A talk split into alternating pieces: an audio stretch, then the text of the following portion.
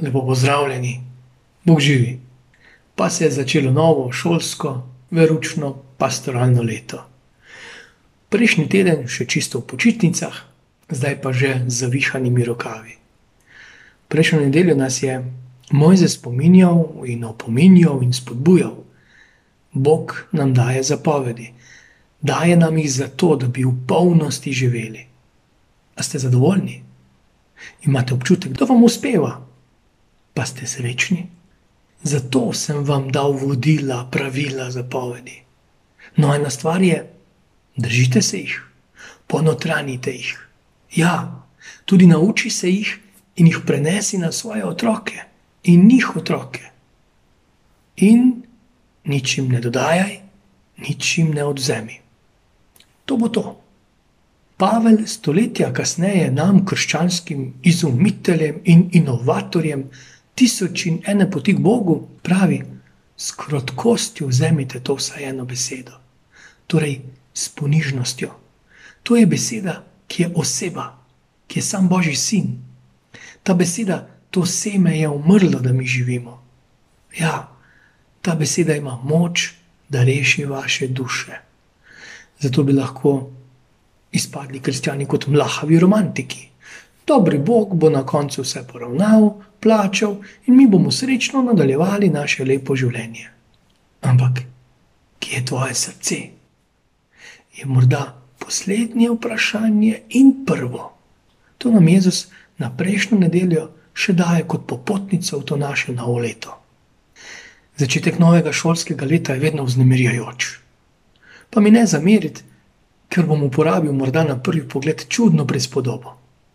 Spominja me na pokopališče ker toliko, ko je na začetku narejenih dobrih sklepov, dobrih obljub, morda še ob prehodu v novo leto, ampak čez nekaj mesecev je stvar že krpko drugačna.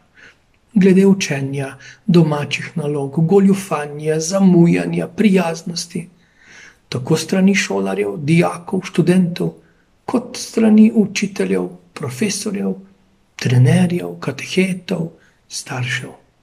In zakaj pokopališče? Ste morda razmišljali, koliko dobrih sklepov, načrtov, namenov je tam pokopanih? Cela niva, pa nič ne koristi. In ja, tudi ta niva znanja in prizadevanja sama na sebi nič ne koristi, sama na sebi. Zato prerok tako spodbudno nagovori: bodite močni, nikar se ne bojte, gledajte, vaš Bog. Kaj pa če rečem, da ga ne vidim, da ga ne slišim, da vam več ne verujem? Pred nekaj leti sem bral zgodbo, lahko bi rekli tudi futuristična, ki je sedaj naša resničnost.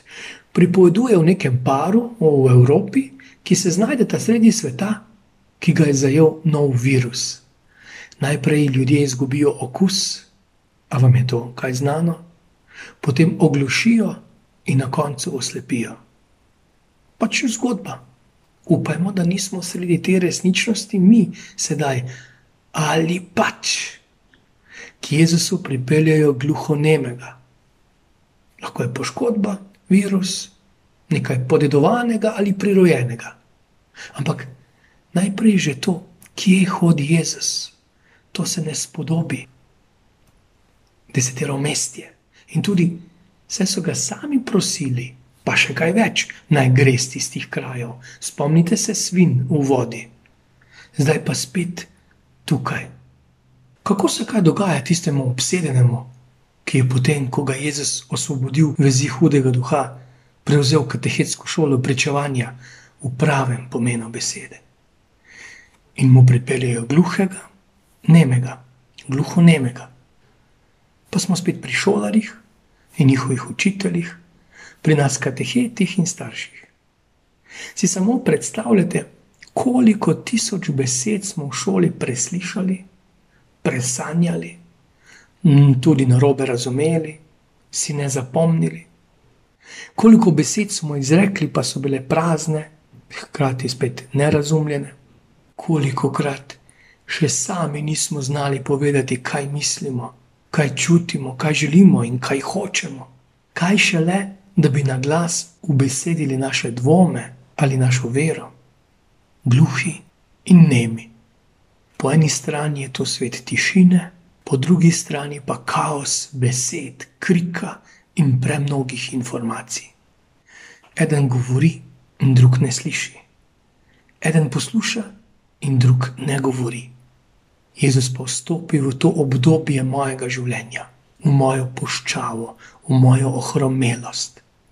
Že samo njegova bližina je upanje, njegov dotik poživitev, on odrešenje.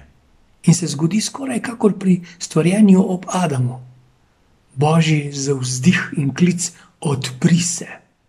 Če se je morje umirilo, če je mrtvi prišel iz groba, če se je hudič cvileč odplazil, potem je v veri upravičeno pričakovati, da se zgodi, odpro vse ušesa, da lahko prisluhnem, da te lahko zaznam, da nisem več sam. In razvezala se je ves jezika in nisem govoril. Prav je govoril. Še je upanje, da se mnogi sklepi in načrti tega leta uresničijo tudi po naših šolarjih in šolnikih. Da bomo najprej poslušali in potem prav govorili, še prej pa pridi Gospod, da bi tebe slišali in govorili besede, ki bodo spominjale na te. Blagoslova, vse dobro.